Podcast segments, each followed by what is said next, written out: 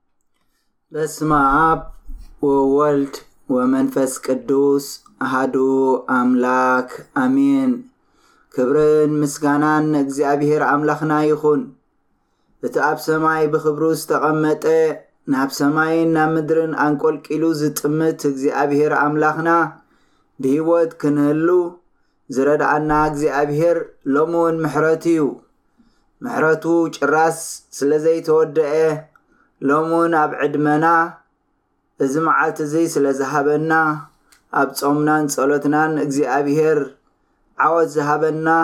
ሓይሊ ዝበና ንሱ እሞ ክብርን ምስጋናን ንዑ ይኹኖ ኣብ ዝሓለፈ ሰሙን ብዛዕባ ካብ ሰማይ ምውራዱ ብዛዕባ እቲ ንደቂ ሰባት ዘለዎ ሓልየቱ ክንርኢ ከነመስግን ከም ዝቐነና ሎሚ ኸኣ ሳላ ምሕረቱ ሳላ ረድኤቱ ናብዚ ንዓና ክቕድስ ንዓና ከነጽህ ንዓና ህዝቡ ክገብር ጥፉኣት ዝነበርና ክመልስ ዝመጸ እግዚኣብሄር እነመስግነሉ ካልኣይ ሰሙን ብምሕረቱ ንዝወሰኸና ኣምላኽ ክብርን ምስጋናን ይኹኖ። ነቶም ኣብ ኩሉ ኩርናዓት ዓለም ኮንኩም ነዚ መልእኽቲ እዚ ትሰምዑ ኣቦታት ኣዴታት ኣሕዋት ውሉድ ኩላሃትኩም ናይ ክርስቶስ ቤተሰብ ንዝሓመመ እግዚኣብሄር ይፈውሶ ንዝሓጠየ እግዚኣብሄር ናብኡ ዝመልስ ጾምን ጸሎትን ይግበረልና ኣብ ምድርናን ኣብ ዓለምናን ኣብ መከራን ኣብ ጸበባን ዘለዉ ናብ ራህዋ ዘውጽእ እግዚኣብሔር ጾምን ጸሎትን ይግበረልና እምበኣር ሎሚ ቤተ ክርስቲያንና ኣብዚ ዝሰረዐቶ ሰሙን ብዛዕባ ጾምናን ጸሎትናን እግዚኣብሔር ክቕበለልና ኣብ ንጽልዮ ኣብ ንልምኖ ዘለና ንእግዚኣብሔር ኣመስግንዎ ስሙ ጸውዑ ግብርታቱ ኣብ ማእከል ኣህዛብ ኣውርዩ ዘምርሉ ኣመስግንዎ ብዛዕባ ኩሉ ተኣምራቱ ተዛረቡ ዝበለቶ ሰሙን እዩ ግብሪ እግዚኣብሔር ከነዘንቱ ምሕረት እግዚኣብሔር ከነዘንቱ ኣባና ዘለዎ ንዓና ዘለዎ ፍቕሪ ከነዘንቱ ከምቲ ቦና ዳዊት ኣብ ቀዳማይ ዜና ምዕራፍ 16 ሙሉእ ምዕራፍ ብዛዕባ ነቲ ታቦት ናብቲ ግቡእ ቦታ ምስ ኣእተወ ዳዊት ዘመስገኖ ሎሚ ኣመስገንቲ ክንከውን ዳዊት ከኣ በታ መዓልቲ እቲኣ ነሰፋ ነሕዋቱን ንእግዚኣብሔር ከመስግኑ ቀዳማይ ግዜ ኣዘዘ ምስ በለ ልብቶም ንእግዚኣብሔር ዝደልይዎ ይተሓጎሱ ንእግዚኣብሔርን ስልጣኑን ድለዩ ገጹ ኩሉ ግዜ ድለዩ። ነቲ ዝገበሮ ተኣምራትን ትእምርትን ፍርድታትን ኣፉን ዘክሩ ኢሉ ንሱ እግዚኣብሄር ኣምላኽና እዩ ኪዳኑ ንዘለኣለም ዘኪሩ እዩ እሞ ኣመስግንዎ ምሕረቱ ስለ ዘይተወደአ እግዚኣብሄር ክምስገን ይግብኦ ምስ በለ ቅጽል ኣቢሉ ምድሪ ከነኣን ንኣኻ ክህብየ ግደ ርስትኻ ክትከውን እያ ሽዑ ብቁጽሪ ሒደት ነበርኩም ሕጂ ግና በዛሕኩም እንዳበለ ብዛዕባ እቲ ዝገበረሎም የመስግን ንሕና እውን ዝሓለፈ ዝረድኣና ዝጸገወና እግዚኣብሄር ከነመስግን ኣብዚ ጾምን ጸሎትን ተሰሪዕልና ኣሎ ንእግዚኣብሄር ናይ ስሙ ክብሪ ሃብዎ መባእ ኣቕርቡ፣ ኣብ ቂድሚ ገጹ ምጹ፣ ንእግዚኣብሄር ብቕዱስ ኣልባስ ስገድሉ፣ ኩሉኹም ሃገራት ኣብ ቂድሙ እንቀጥቅጡ፣ ዓለም ጸኒዓ ቆይማ ኣላ፣ ኣይትናወጸን ከኣ እያ፣ ሰማያት ባህ ይበሎ፣ ምድሪውን ትተሓጎስ፣ ኣብ ኣህዛብ ድማ እግዚኣብሄር ነጊሱ ኣሎ ይበሉ፣ ባሕርን ምልኣታን ደሃይ ይህቡ፣ መሮር ኣብኡ ዘሎ ኩሉ ይተሓጎስ፣ ንምድሪ ኪዳና ክዳንያ ይመጽእ ኣሎ እሞ ሽዑ ኣእዋም ዱር ኣብ ቂድሚ እግዚኣብሔር እልል ይበሉ ኢሉ ዝጠቕሶ ቃላት ዝጥቀመሉ ንሕና ሎሚ በዚ ዓይነት ኣመስገንቲ ክንከውን ይገልጽ። ጸግኡ ከኣ ንዘለዓለም እዩሞ ኣመስግንዎ። እግዚኣብሔር ሰናዩ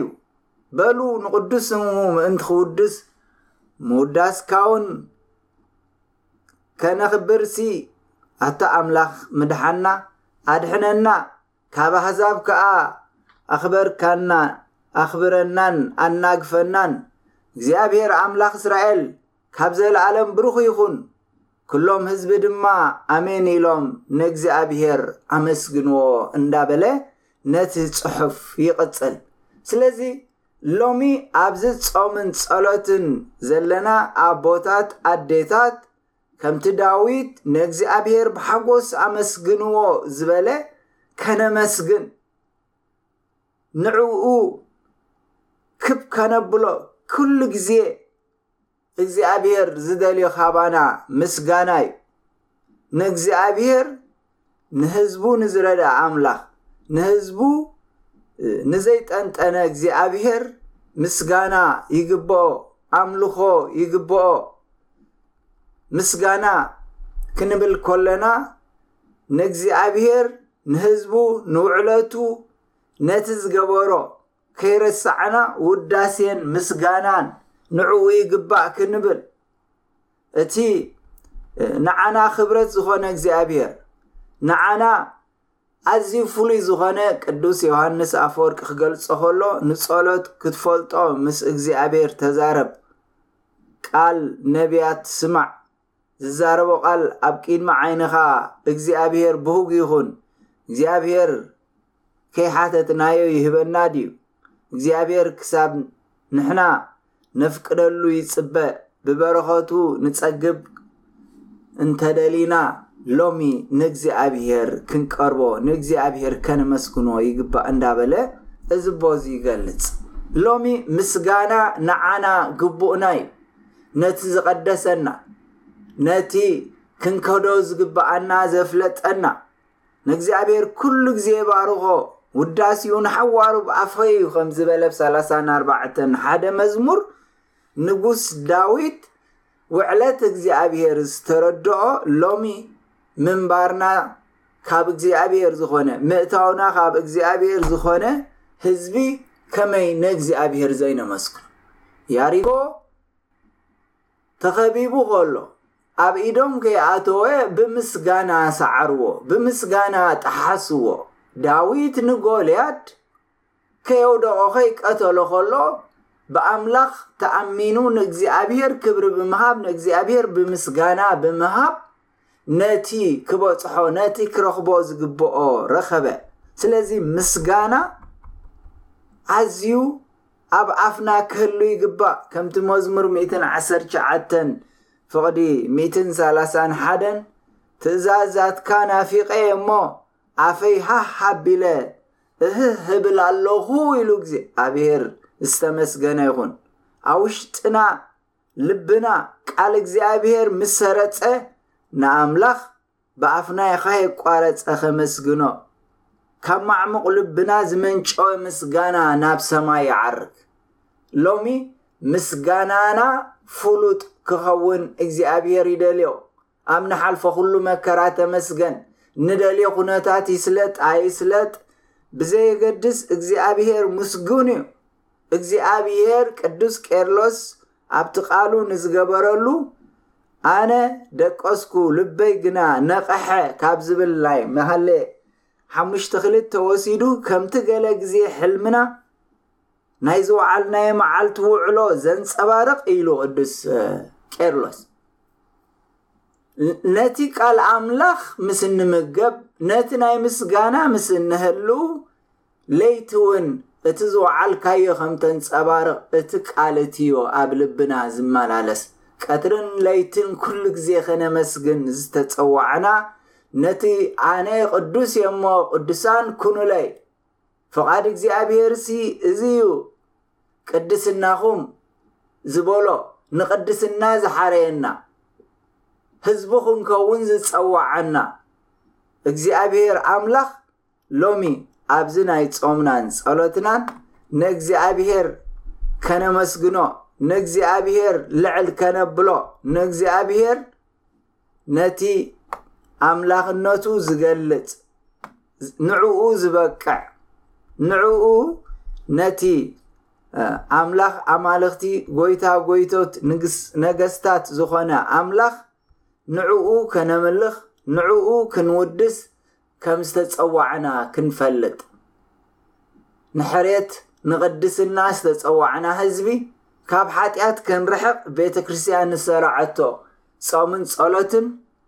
ንርእስናን ንቤተ ሰብናን ንብዙሓት ኣብ መከራ ዘለዉ ክንከውን እዚ ግዜ እዚ ክንጥቀመሉ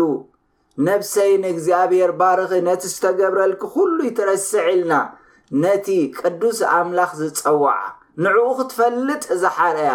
ብዘይ እሱ ካልእ ኣምላኽ የለን ኢላ ክትቀውም ዝረደኣ ሎሚ ነዚ ኣምላኽ እዚ ኣብ ምስጋና ክንቀውም ኣብ ምስጋና ደው ክንብል ምኽንያቱ እግዚኣብሄር ቅዱስ እዩ። እግዚኣብሄር ክብርን ምስጋናን ንዑ ይኹኖ ኣብ ኩሉ መከራና ዝሓረየና ምሳና ድኸውን ኣብ ንኣትዎ ንወጾ ኸኣ ዘይፍለየና እግዚኣብሄር ሎሚ ነዚ ክቡር ኣምላኽ እዚ ነዚ ዓቢ ኣምላኽ እዚ ክንሓስብ ንዑ ሓሲብና ብምስጋና ዝተመልኣና ህዝቢ ክንከውን ንእግዚኣብሄር ስለ ውዕለቱ ክደልየና ናይ ዝመጸ ምሕሳብ ልቦና እዩ። እግዚኣብሔር ንልብና ክርእዮ ከሎ ጥፉኣት ዝነበርና ርሑቓት ዝነበርና ዝጸዋዓና ዘይህዝቡ ዝነበርና ህዝቡ ዝገበረና እግዚኣብሔር እዩሞ ክብርን ምስጋናን ዕቤትን ንዕኡ ይኹኖ። ምኽንያቱ ንሱ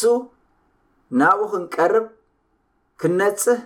ክንቅደስ ዝሰራዓልና ተጠቂምናሉ ክንከይድ ንብዙሓት ኣብ ማእሰርቲ ዘለዉ ንብዙሓት ኣብ ኩናት ዘለዉ ንብዙሓት ዕርቂ ዝሓረሞም ብዙሓት እዚ ግዜ እዚ ክምህለሉ ክሰግዱ ክጸልዩ እንዳደለዩ